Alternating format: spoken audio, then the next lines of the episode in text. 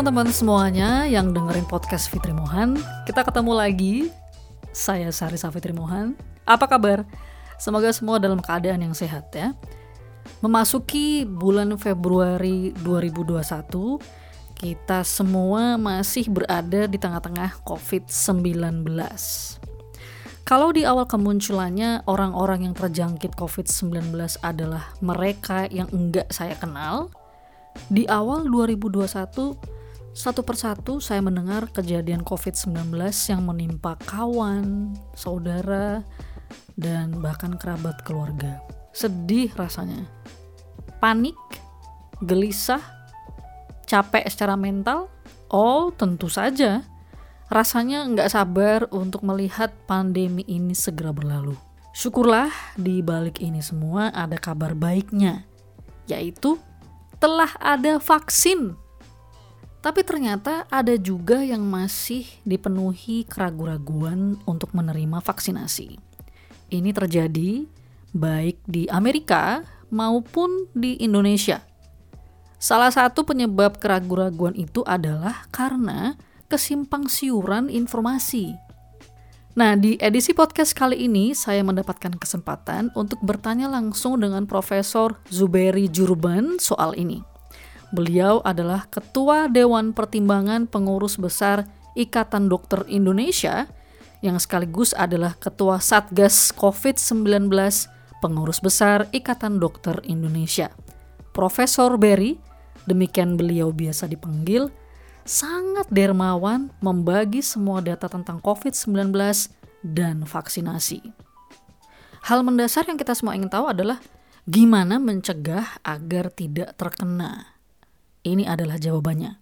Iya, jadi bagaimana tata laksananya bisa dikatakan penggampangnya dibagi dua lah, pencegahan dan pengobatan. Kalau pencegahan ini eh, kita selalu ngomong mengenai, iya seperti biasa.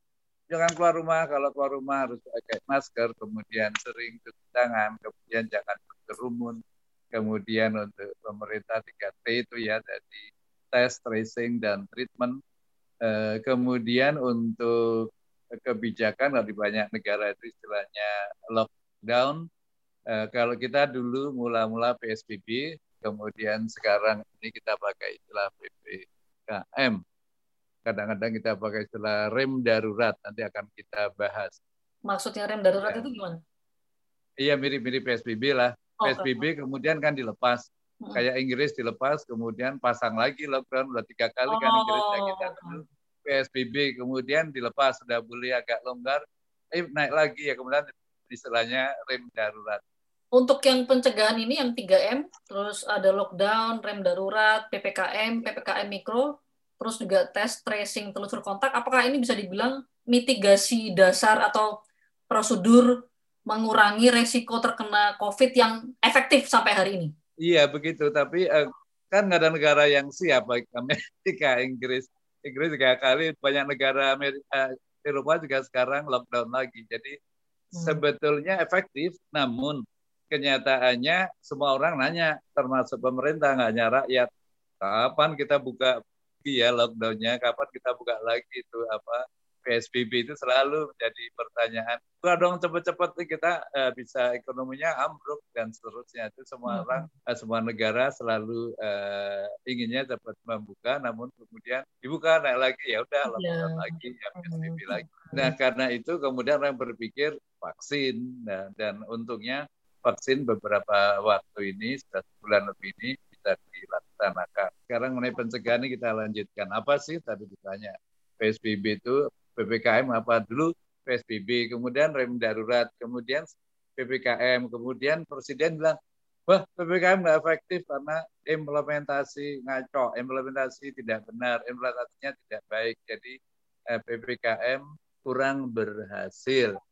Apa sih PPKM itu? adalah pemberlakuan pembatasan kegiatan masyarakat. Ini khusus Jawa dan Bali sekarang ini. Padahal waktu bulan apa tuh ya Maret April saya juga tadi bilang lockdown saja Pak Presiden. Wah nggak mau lockdown. Ya sudah kalau nggak mau apa pun terserah istilahnya. Kemudian dapat istilah PSBB yaitu pembatasan sosial berskala besar yang dilaksanakan bulan Maret 2020 kemudian ya itu apa eh, bagus sekali kemudian udah capek udah ini terus copot lagi naik lagi kemudian rem darurat nah sekarang prinsip dari ya, PSBB PPKM ataupun juga sebetulnya lockdown adalah membatasi kegiatan pergerakan orang untuk bekerja, untuk ibadah, untuk sekolah, dan juga untuk wisata. Nah, untuk yang PPKM ini dilaksanakan eh, kemarin ini khususnya untuk Jawa dan Bali. Jawa Bali pun tidak semua kabupaten, tidak semua kota. Sebagai contoh Jogja aja deh tempat saya lahir. Jogja itu hanya kota Yogyakarta, kota Bantul, Gunung Kidul, Sleman, dan Kulon Progo. Jadi kalau sama Jakarta, jadi kalau Jawa Timur hanya Surabaya Raya dan Malang Raya itu namanya PPKM yang sekarang ini. Kemudian, nah eh, jadi work from home 70 persen, yang ada yang di kantor 20 persen saja. Kemudian protokol kesehatan harus ketat, yaitu ya jangan keluar rumah kecuali kalau eh, perlu banget. Kemudian pasang masker selalu dan seterusnya. Jangan makan bareng di restoran dan seterusnya. Kemudian eh, belajar mengajar daring saja, daring itu istilah untuk online dan kemudian di uh, sektor esensial kalau untuk makan ya tentu boleh buka 100% yang betul-betul yang terkait dengan uh, jualan makanan dengan uh, beras dan yang lain. Kalau restoran bahaya tuh kalau ruang tertutup jadi 25% aja uh, boleh dibukanya orang yang masuk dari kapasitas. Kemudian kalau pesan antar Oke, okay, monggo silakan jalan. Hmm. Bagaimana mengenai konstruksi bangunan? Oh, konstruksi sih lanjut silakan. Tempat ibadah, masjid, gereja, bagaimana? Ya 50% saja yang boleh. Tentang vaksinasinya sendiri, Profesor Berry menjelaskannya dengan detail, lengkap dengan jawaban atas pertanyaan-pertanyaan yang beliau dapatkan, seperti misalnya, satu, kenapa kok beda efektivitas Sinovac di Indonesia, Turki, dan Brazil? Yang kedua, Dok, anak saya alergi, gatal-gatal hebat, dan mukanya merah setelah vaksinasi pertama. Boleh nggak vaksinasi kedua besok? Atau Bupati Sleman divaksinasi, malah terinfeksi, dan jadinya sakit COVID-19. Itu gimana dong dok? Juga beberapa pertanyaan penting lainnya yang perlu kita ketahui jawabannya. Berikut ini penjelasan Pak Berry. Dan sekarang kita masuk mengenai vaksin, pencegahan dalam kaitan dengan vaksin.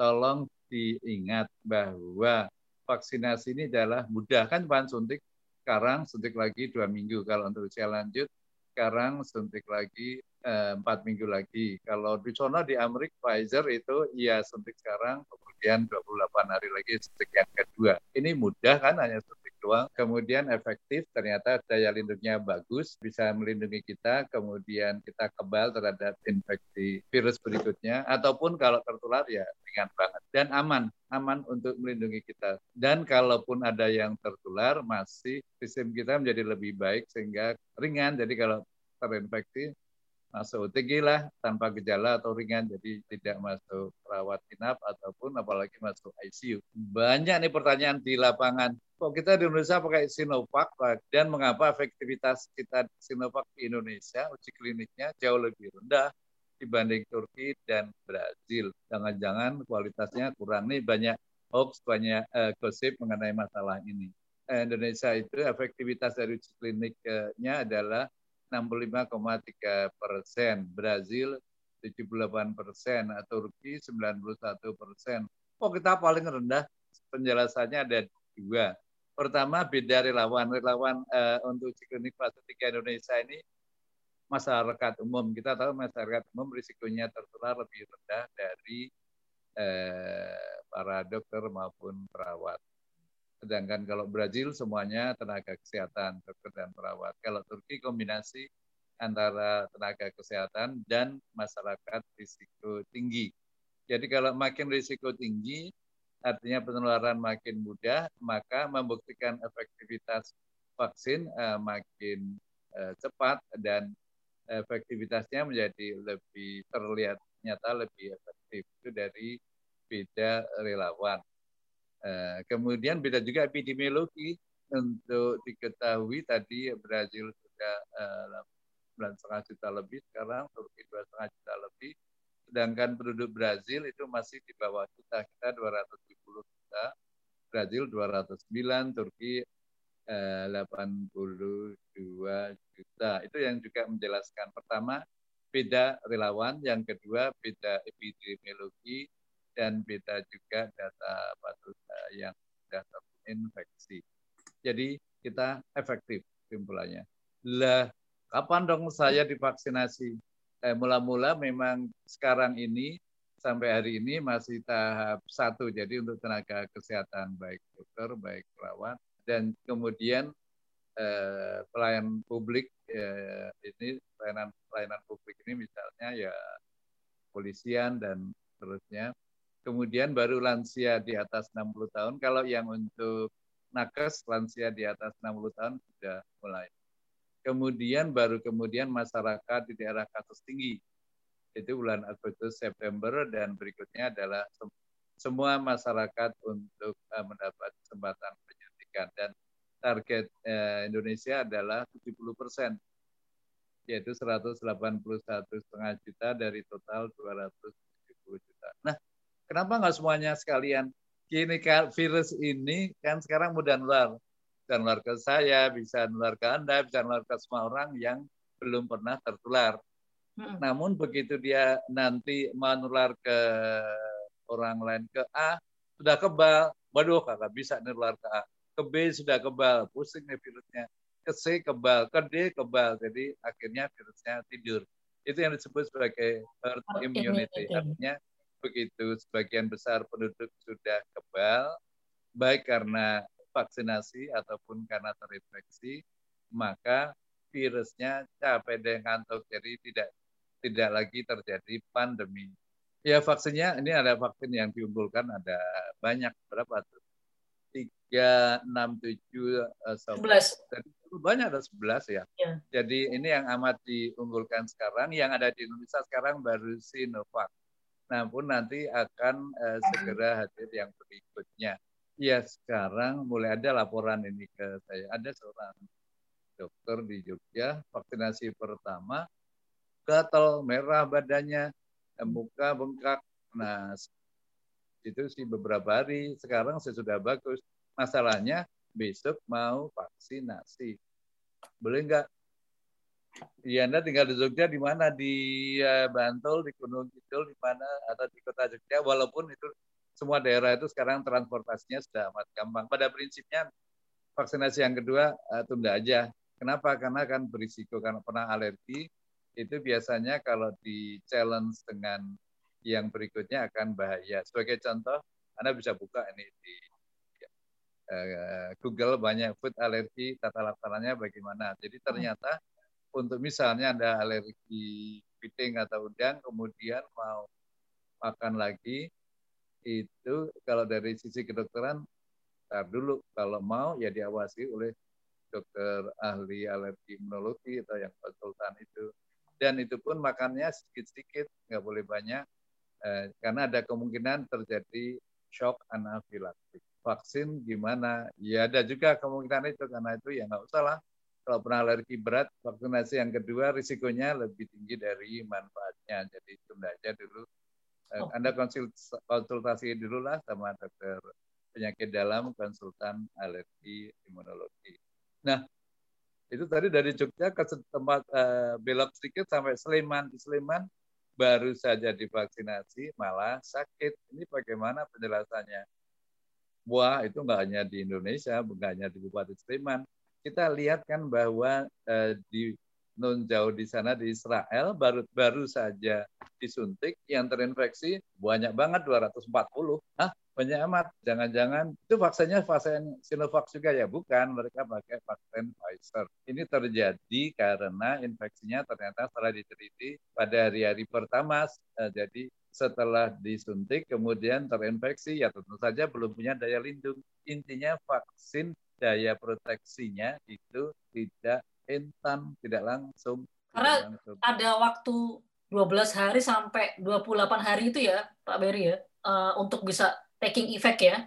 Iya, jadi ya setelah berapa tuh tujuh delapan hari belum muncul, kemudian muncul dikit-dikit, 14 hari baru sekitar 50 persen lebih dikit. Setelah dua minggu setelah vaksin suntikan yang kedua, barulah kekebalannya optimal. Karena kalau itu kan mula-mula kan kita disuntik, kemudian tubuh ada namanya sel darah putih, limfosite itu kemudian mengenali, oh ini ada benda baru, ini apa nih? Oh ini bagian dari vaksin. Oh, jadi sekarang aku udah kenal vaksin kayak gini nanti kalau uh, ada virus beneran masuk, nanti aku kenali, kemudian aku minta tolong limfosit B untuk memproduksi antibodi sehingga bisa menangkal. Nah, pengenalan ini baru baru kenal sedikit uh, kalau kenal orang misalnya baru kenal uh, postur tubuhnya baru kenal badan kakinya namun belum masih jauh kayak kita ngeliat manusia dari jauh masih belum tahu seberapa besar seberapa wajahnya. Jadi kenal baiknya setelah suntikan yang kedua.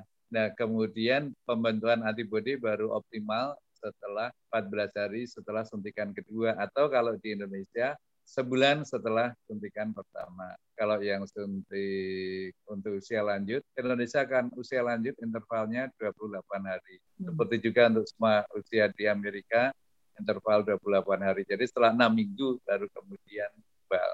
Artinya selama, sebelum itu masih bisa tertular.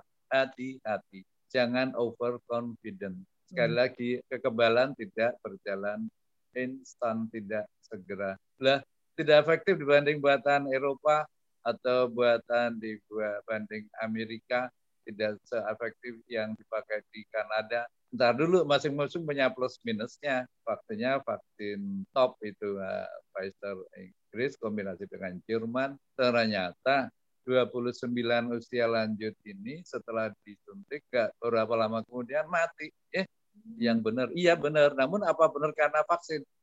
Iya, ternyata enggak. Jadi memang kita harus hati-hati menerjemahkan. Jadi jangan tertipu oleh angka ataupun data yang ada di media. Jadi penjelasannya begini, di Inggris itu usia lanjut mula-mula, kemudian usia yang lebih muda, 70 tahun, kemudian lebih muda lagi, dan tidak ada yang meninggal. Maka orang Norwegia amat yakin, ya udah kita mulai aja dengan yang tua, dengan Joko yang ada di uh, nursing home, yang usia amat sangat lanjut. Nah, itulah ada yang lagi bedridden nggak bisa duduk, biarin saja, suntikin saja, kan untuk membantu mereka. Ternyata mempunyai konsekuensi kalau yang amat buruk kondisinya bisa meninggal karena memang sudah waktunya meninggal bukan karena vaksin. Tapi penjelasan itu kalau Anda nggak yakin ya kita nunggu ini WHO segera akan membuat press release mengenai eh, apa ada kaitannya antara meninggalnya 29 orang itu dengan uh, vaksin. Demikian pula di Perancis ada berapa? lima orang yang usia lanjut yang meninggal setelah vaksinasi. Di kita udah lebih dari sejuta loh yang dari vaksinasi dan tidak ada yang meninggal. Hmm. Ya tapi kan karena bukan karena vaksin. Ya jelas. apakah vaksin ini aman untuk udah. Nah sekarang kita bahas mengenai keamanannya karena pasienku banyak sekali pasien dengan HIV AIDS. PL HIV ini sengaja saya tulis eh, namanya people living with HIV AIDS itu. Nah, istilah Indonesia-nya ODA ODHA hmm. orang dengan HIV AIDS. Aman mana buktinya mas? Jadi di banyak tempat itu di Amerika di mana pun ternyata aman berdasarkan baru akhir-akhir ini memang sih yang uh, uji klinik yang menyertakan ODA. Baiklah pertama aman untuk ODA. Yang uh, kedua uh, manfaat vaksin ternyata sama dengan yang anggota masyarakat yang tidak terinfeksi HIV dan terbukti mencegah penularan penularan eh, COVID dan juga mencegah kita sakit berat kalau terinfeksi. Kemudian tapi syaratnya buat antiretroviralnya ARV atau ART wajib lanjut jangan putus. Kemudian sudah vaksinasi tetap kita harus pakai eh, seperti biasa pakai masker, sering cuci tangan dan jangan kumpul-kumpul untuk alasan apa pun ya baik untuk ibadah, baik untuk pesta pernikahan, baik untuk makan restoran, hindari. Kalau perlu datang ya lihat dulu kalau hanya berapa orang boleh dan jangan lama-lama langsung pamit atau nggak usah pamit langsung. Kemudian eh, BPOM mempelajari dan Mereka punya tim ahli yang luar biasa tangguh uh, dan uh, objektif dan kemudian menilai ternyata benar-benar aman. Vaksin aman untuk pasien AIDS dan so don't worry tetapi juga tetap dia careful. Kemudian mengenai vaksin, ini tadi kita sudah bahas ternyata memang benar merangsang sistem kekebalan tubuh udah jadi walaupun udah awal-awalnya kekebalannya rusak namun begitu minum obat antiretroviral cepat sekali pulih pasien-pasienku itu. Dan yang tiga bulan mau cek load lagi itu rata-rata tiga bulan. Paling lama enam bulan sudah kekebalannya pulih. Nah jadi sekali lagi efek sampingnya paling juga nyeri di lengan nggak usah takut. Kadang-kadang eh, rasa lelah ngantuk demam ringan namun cepat hilang. Kalau anda khawatir memang kita persyaratkan jangan langsung pulang setengah jam tunggu sebentar setelah vaksinasi. Kemudian kadang-kadang juga walaupun amat jarang bisa terjadi uh, shock karena itu memang jangan uh, langsung pulang. Di Indonesia belum ada di Amerika ada beberapa orang, namun juga tertolong. Tidak perlu terlalu khawatir karena ada tim yang awasi dan vaksin membuat kita kebal ataupun kalau tertular tidak akan amat uh, ringan. Jadi nggak usah khawatir. Namun sekali lagi harus tetap jaga jarak pakai masker cuci tangan. Tetap perlu obat antiretroviral untuk ODA. Apakah juga aman untuk ODA-PUS, orang dengan lupus? Ya, untuk diketahui kebetulan pasien-pasienku yang banyak itu pasien, walaupun by training eh, saya sebetulnya spesialis penyakit dalam, konsultan hematologi dan medical onkologi. Eh, namun baik pengalaman, baik kebetulan dari awal-awal saya menangani lupus banyak sekali, HIV AIDS dan karena training juga untuk kanker. Nah ini untuk lupus bagaimana? Jadi untuk lupus aman, hmm. apalagi apabila kan lupus itu pasien dapat pengobatannya metilprednisolon, mula-mula dosis tinggi kemudian bertahap rendah.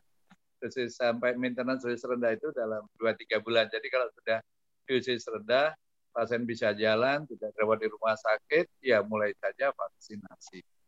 Nah kalau mau tahu eh, sumbernya di mana? Sumbernya ada gampang, Anda masukin saja LFA Lupus Foundation of America di situ banyak ataupun uh, British itu juga banyak. Jadi eh, UK, lupus itu akan muncul. Kalau lupus kan pada pada wanita rata-rata muda ya, benar antara 14 sampai 40 tahun sebagian besar di situ walaupun ada yang lebih muda ada yang lebih tua. Nah kalau hamil kan banyak lupus hamil. Ya boleh saja dulu kita kira hamil jangan namun makin banyak bukti hamil ternyata perlu banget untuk melindungi ibunya dan anaknya. Nah bagaimana usia lanjut? Nah ini sekarang kenapa Inggris sama Indonesia beda ya? Ya jauh kalau tulisannya Anda spell saja lain. Karena mengapa di Inggris itu eh, vaksinasi saya lanjut karena mereka lihat ternyata usia di atas 75 itu kalau kena COVID meninggalnya 10 persen dan data di Inggris amat solid sudah dua setengah juta lebih yang terinfeksi. Ternyata yang mereka pakai vaksin Pfizer itu ada uji klinik untuk usia lanjut, jadi memang aman. Ya udah mereka mulai dari sana. Bagaimana Indonesia? Kenapa nggak mau niru Inggris? Tar dulu, kita kan kita punya Pancasila. Lagi pula Indonesia ini vaksin kita kan lain, bukan Pfizer, Sinovac. Nah, Sinovac pada awal vaksinasi ini belum punya data, kita belum dapat data apakah aman untuk usia lanjut. Jadi kita nggak mau, pokoknya sampai 60 usia lanjut ntar aja. Itu di awal-awal BPOM uh, setelah mempelajari kita lain. Kita pakai Sinovac dan Sinovac ternyata belum terbukti aman untuk usia lanjut. Namun beberapa hari kemudian muncul data baru, ya sudah dalam hal COVID ini memang kebijakan harus selalu disesuaikan dengan data baru. Harus selalu berpikir, uh, bekerja, dan membuat kebijakan based on evidence. Harus berdasar bukti ilmiah. Mhm. Istilah kerennya evidence-based medicine. Berapa sih yang diteliti? Berapa banyak? Oh, 100 kan banyak. Oh, kurang, harus ribuan. Ah, banyak amat. Iya, dan desain penelitiannya bagaimana? Uh, begini, wah perbaiki dulu tuh nggak benar. Uh, desain beritanya bagus, kurangnya puluhan ribu, kemudian dikerjakan di beberapa negara, kemudian sudah di apa itu dipublish di jurnal internasional yang mempunyai high impact. Nah itu baru kita percaya. Nah kalau belum saat ini kan belum ada yang lolos uji klinik fase 3 di seluruh dunia.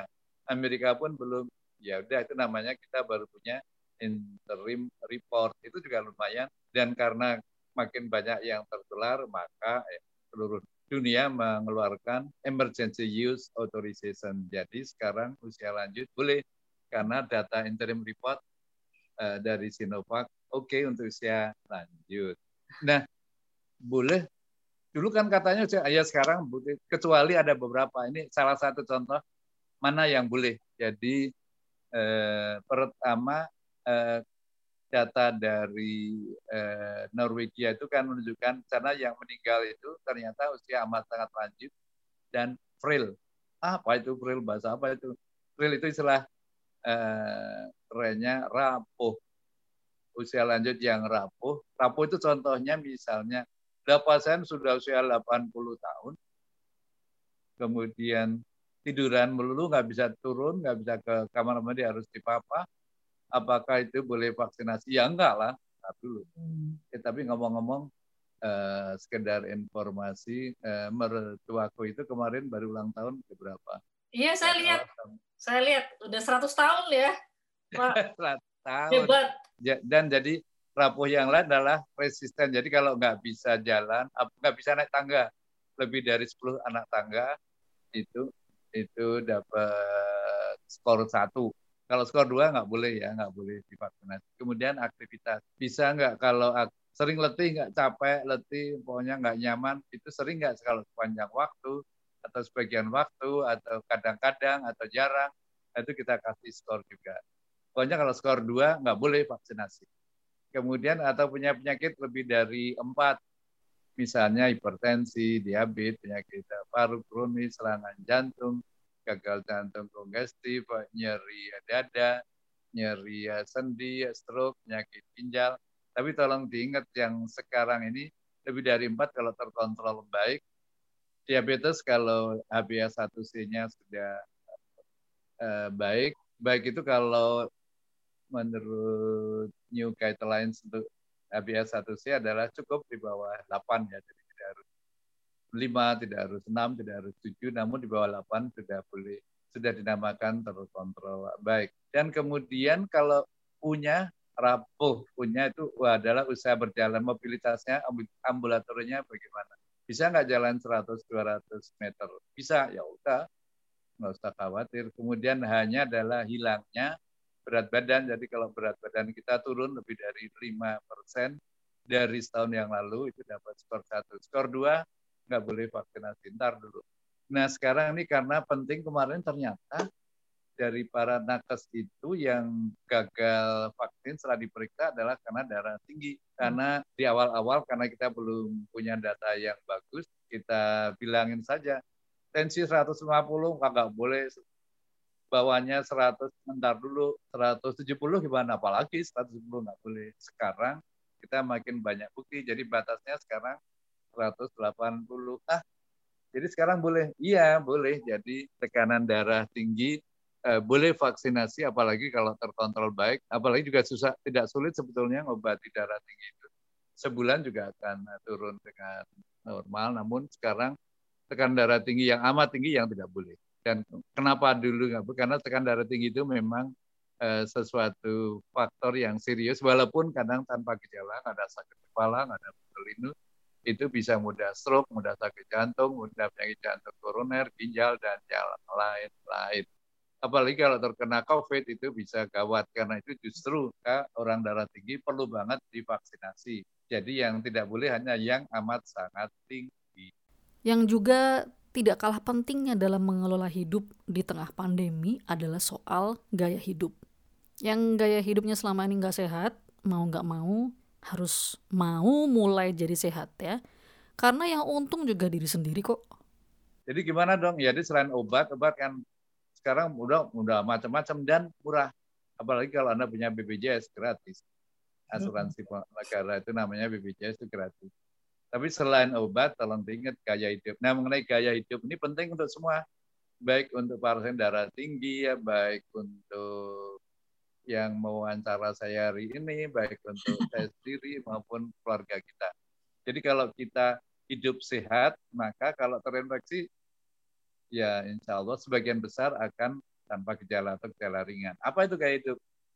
Makanan sehat, sayur, buah, jangan lupa kalau bisa kombinasi sayur buah lima kali sehari. Ah, banyak banget. Ya terserah. Kalau Anda mau nanti operasi jantung 5-10 tahun lagi ya boleh. Sayur buah kan murah. Kemarin aku beli apa itu? Oyong, ada wortel, ada apa lagi, tempe dan yang lain cuma 23 ribu itu kalau dimasak dan keluarga besar. Buah Indonesia eh, di mana pun juga murah, mau pepaya, apa pun buahnya boleh, pisang juga boleh. Eh, kadang di rumah eh, orang suka ngasih macam-macam, tapi yang ternyata yang saya makan paling banyak hanya pisang.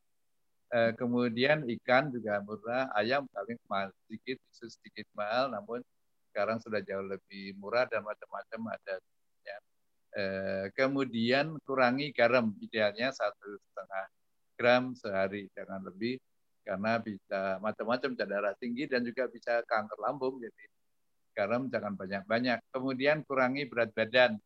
Eh, berat badan turun itu akan tekanan darah tinggi yang tadinya ada juga akan turun sendiri. Jadi mula-mula kurangi berat badan, diet juga akan memudah mengontrol tekanan darah. Olahraga jangan lupa. Jadi paling sedikit 150 menit seminggu. Jadi bayangin eh, saya sendiri 74 tahun saya udah usahakan. Kalau sebelum sebelum pandemi olahragaku banyak loh, Mbak Yu. Apa aja, uh, Apa aja, uh, satu setengah jam tiga kali seminggu itu senam berat, kemudian lanjut jalan 3 kilo 30 menit, kemudian baru relaksasi. Oh. Jadi olahraga wajib, tapi tidak harus tidak harus begitu bisa jalan cepat sudah cukup. Yang penting 140 menit seminggu jalan cepat, mau treadmill, mau sepeda statis, monggo. Kemudian ibadah jangan lupa beragama masing-masing dan silaturahim itu juga jelas sekali membuka uh, kita menjadi lebih mudah mengatasi stres, lebih berumur uh, panjang dan paling penting dua terakhir stop rokok, stop alkohol lah enaknya kan enak itu rokok alkohol Iya, tapi sudah terbukti rokok dan alkohol, rokok bikin radang paru, mudah terganggu fungsi paru. Kalau terkena COVID, juga bisa, innalillah itu bisa uh, fatal. Balik kapan kita bisa meninggal. Kemudian rokok, alkohol juga ternyata alkohol menurunkan kekebalan dan berbahaya kalau kita minum uh, alkohol sering itu kalau terinfeksi amat serius. Buktinya mana? Iya kali ini Anda cari. Jadi buktinya alkohol, koma, COVID-19 akan muncul juga nanti. Ada evidence-nya cukup uh, jelas. Ini sekarang mengenai vaksin. Jadi kita tidak perlu takut karena vaksin tidak akan menularkan COVID sudah dibuktikan.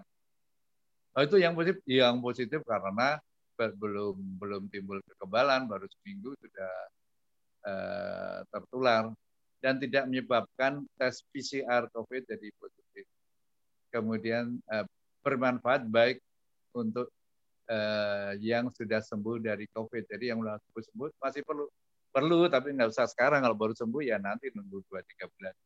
Ya kalau bisa sebelum tiga bulan vaksinasi. Ya itu nanti kan dari Amerika bakal datang itu vaksin Pfizer. Kan mereka pakai messenger RNA. Nanti jangan-jangan kita kita jadi berubah mengubah DNA kita tidak benar tidak mengubah DNA kita vaksin dari Pfizer ini. Dan namun juga perlu catatan penting vaksin kan segalanya. Jadi tetap usaha pencegahan yang kita bahas awal tadi menjadi penting. Jadi sampai uh, target kita kan 181 setengah juta divaksinasi yang sudah di atas 18. Jadi butuh 363 juta dosis karena masing-masing harus dua kali. Kemudian ditambah cadangan 15 persen. Jadi pemerintah sudah merancang untuk mendatangkan 426 juta dosis termasuk yang dibikin sendiri di Bio Farma di Bandung. Kemudian nakes yang sudah ke fasilitas kesehatan itu ada sekitar 1,3 juta, namun yang memiliki komorbid, hipertensi, hamil itu uh, ada beberapa sehingga yang disuntik baru satu juta.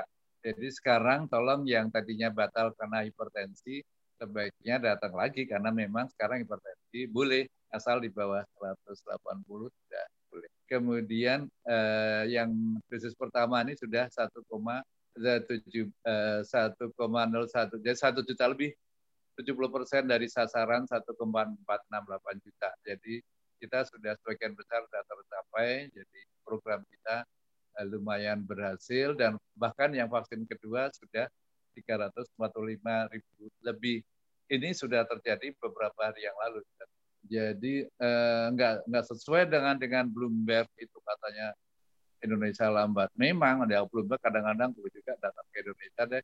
Kita eh, apa semangat dari mulai dari presiden, menteri, dokter, kementerian kesehatan maupun ada namanya Pak Monardo itu punya juga apa itu Satgas Nasional itu luar biasa aktif.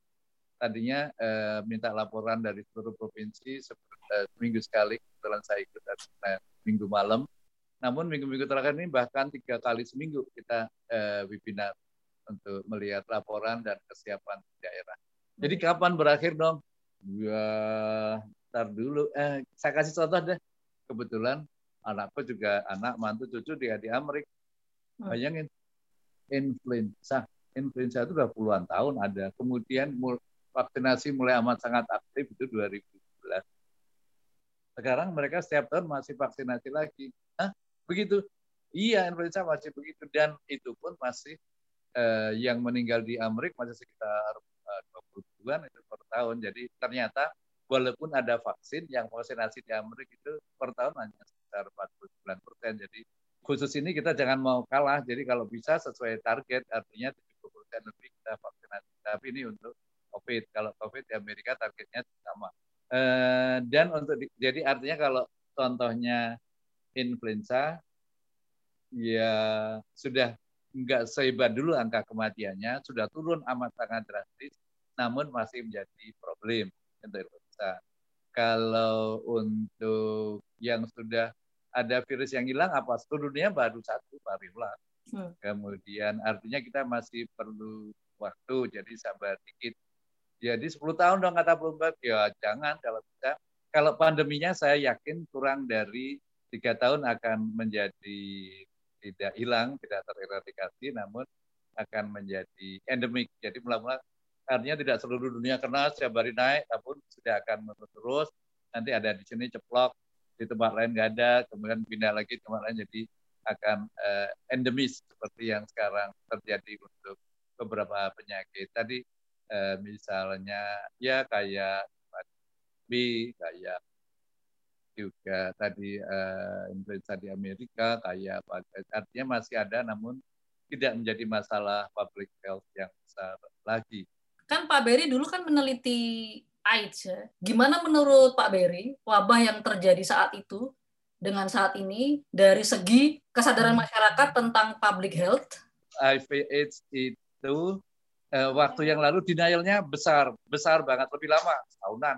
Eh, jadi denial beda dengan sekarang, ini lebih cepat eh, mendengarkan.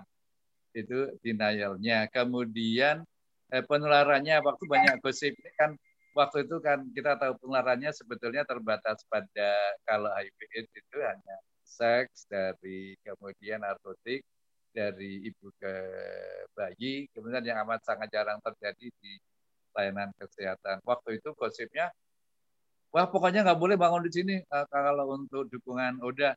Waktu pengalaman saya begitu. Kenapa? Karena kalau nanti dia batuk, kita semua masyarakat RT RW pada ketularan. Jadi kita harus ngobrol dulu lama, duduk. Mhm. Kemudian yang sudah kita bangun, ya udahlah pakai aja untuk pengajian atau untuk kegiatan remaja, monggo. Nah setelah mereka tahu bahwa ternyata yang kita orang-orang yang mendukung HIV ini kami ini orang ya baik-baik lah mau pakai uh, dan kemudian waktu di gedung yang lain waktu pembukaan kita memakai pengajian dan memberi santunan pada banyak uh, anak yatim oh ternyata orang baik juga ya uh, yang di tempat yang lain batal tadinya mereka udah kumpulin tanda tangan itu kayak mau pemilu aja kalau soal stigmatisasi gimana Pak? Ya, yang dulu uh, pada HIV AIDS dulu berat, sekarang hampir nggak ada. Namun ya tadi masih kadang-kadang masih endemik sekali-sekali ada. Tahun yang lalu misalnya murid-murid di Pulau Samosir nggak boleh sekolah. Kemudian di Solo bahkan itu Solo kan Jogja tempat saya tempat saya dibesarkan sampai 18 itu di Solo bahkan diusir dari tempat eh, tinggalnya. Tapi kemudian segera tertangani. Kalau dulu berat di awal-awal dulu kan eh, di Kerawang itu setahun baru baru kemudian masyarakat mendukung penuh. Tapi dari menolak penuh menjadi mendukung penuh, tidak hanya mendukung. Setahun itu perlu.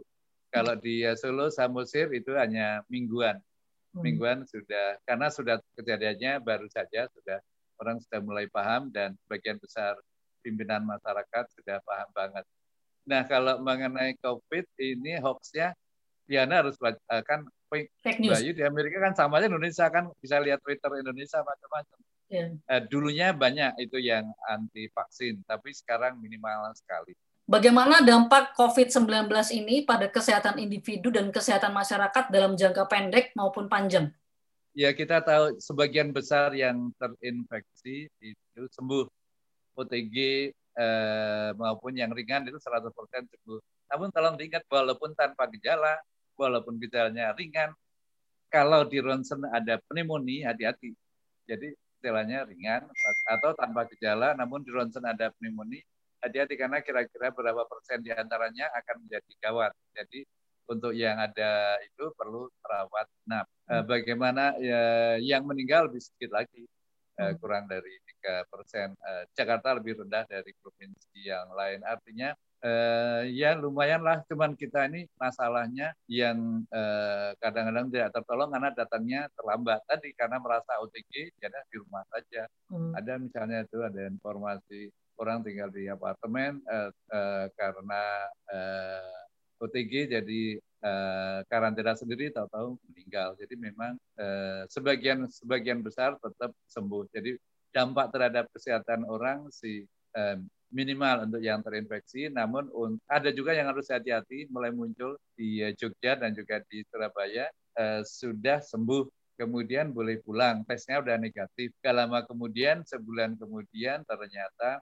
serangan jantung meninggal. Sebelum meninggal untuk masuk rumah sakit jadi kita tahu eh, ternyata ada kekentalan darah di dimernya tinggi banget yang harusnya itu kalau begitu pulang rumah sakit juga harus dimonitor siapa tahu ada penyakit lain yang uh, terlanjur ada. Nah, itu harus perlu maintenance pengobatan. Jadi harusnya kalau ada hiperkoagulasi, darahnya kental, walaupun sudah boleh pulang dari rumah sakit, itu merupakan penyakit lain ada uh, yang perlu maintenance pengobatan minimal 6 bulan. Saya baca artikel dari Wall Street Journal, katanya ada dua hal yang perlu digarisbawahi dalam penanggulangan COVID. Yang pertama, individu OTG bisa menularkan virus atau silent spread. Yang kedua, partikel sangat kecil, aerosol, bisa bergerak di udara dan berperan dalam menyebarkan COVID. Bisa bertahan lama di udara dan berpindah tempat melampaui 6 feet atau 2 meter. Jadi mengalirnya udara dengan baik itu sangat penting. Tapi Pak, ada model tempat kerja yang tidak memiliki ventilasi bagus. Di gedung perkantoran misalnya, padahal kita harus masuk kantor, nggak bisa work from home. Apa saran Pak Berry untuk para pekerja yang harus masuk di ruangan yang tidak punya ventilasi seperti ini? Ya, karena aerosol jadi kalau ruangannya tertutup, ya pintunya dibuka kan punya pintu. Bagaimana masuk ke ruangan tanpa pintu? Jadi eh, itu yang kita samain aja dengan jendela. Jadi ada pintunya harus terbuka. Yang kedua jaraknya harus sedikit karena itu di apa eh, yang ppkm tadi kan terbukti bahwa yang boleh masuk kantor eh, mulai hari-hari ini kan hanya 25 persen.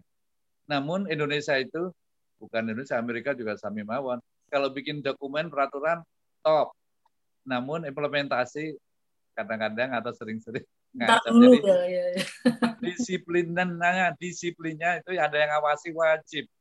Ya, ini kan masalah human behavior. Wah, nggak ada polisi ya udah kita langgar saja misalnya nada seperti itu. Jadi memang pengawasan penting.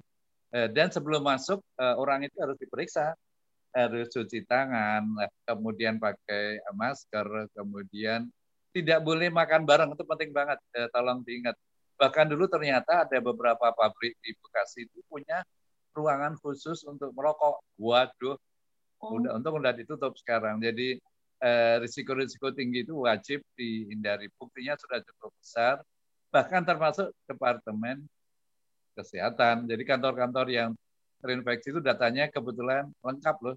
Jadi jangan kira hanya Amerika punya data yang valid kita di Indonesia datanya lengkap. Apa saja yang harus kita perhatikan atau lakukan sebelum vaksin? Apa yang harus diperhatikan sebelum vaksin? Ya hidup sehat tadi yang saya tulis itu tadi. Okay. Hidup sehat. Hidup sehat itu ya semuanya tadi. Oh ya termasuk hidup sehat adalah tidur yang cukup. Eh, kemudian kadang-kadang kan setiap pasien, aku kan masih praktek, jadi selalu semua pasien tanpa kecuali aku tanya, Mbak atau Mas, olahraganya Pak? Oh macam-macam dok. Saya ah, ada jogging, ada berenang, ada ada badminton, eh, senam, saya kan ikut grup senam. Enggak, sekarang gini, pertanyaanku adalah perhatikan baik-baik hanya seminggu terakhir saja. Tujuh hari terakhir berapa kali olahraga? Berapa menit setiap kali olahraga? Ah seminggu terakhir?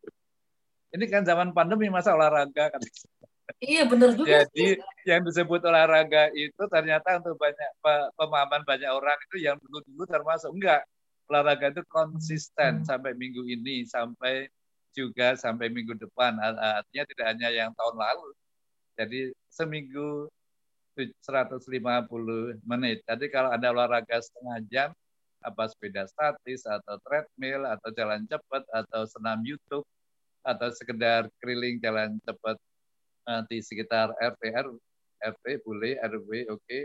kalau lebih kecamatan kelurahan nggak boleh kejauhan nanti ter, banyak tertular nah itu wajib jadi benar loh olahraga itu bikin kita badannya fit oke okay. Jadi sekarang uh, ganti aku nanya pertanyaan terakhir dari saya ke